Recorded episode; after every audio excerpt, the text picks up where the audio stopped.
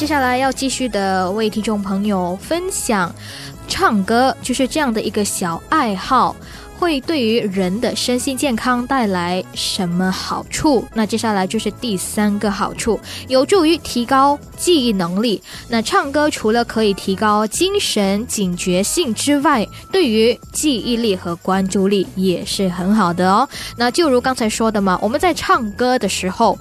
我们在我们需要在一个时间段里面关注多方面的事情，像是歌词啊，然后音调啊、节拍啊，所以唱歌也是越来越多。不单单唱歌了，唱歌和音乐呢也是越来越多的，作为阿尔兹海默症护理的一个特点。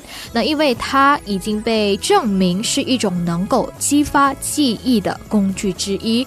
然后第四个。好处呢，便可以提高我们的社交能力，以及可以认识更多的朋友。那所以近几年来，其实很多那些唱歌软件 A P P 也是特别的红嘛，可以让我们通过那个软件呢唱歌，然后认识到很多世界各地的人。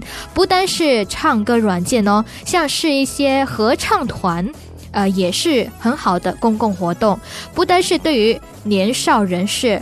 对于老年人也是很好的，都可以去参加。那其实这种合唱团、合唱团和单人去唱歌呢是不一样的。有研究也是显示说，当我们把自己声音要融入到以及要与他人同步的时候，会出现一种称为自我融合感。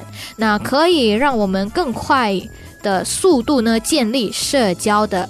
关系、社交的联系，那要说到的最后一个好处就是说，唱歌也是可以作为表达自己的方式，唱歌就可以很好的让我们表达真实的感受。那之外，也可以让我们走出很多不愉快的悲痛经历。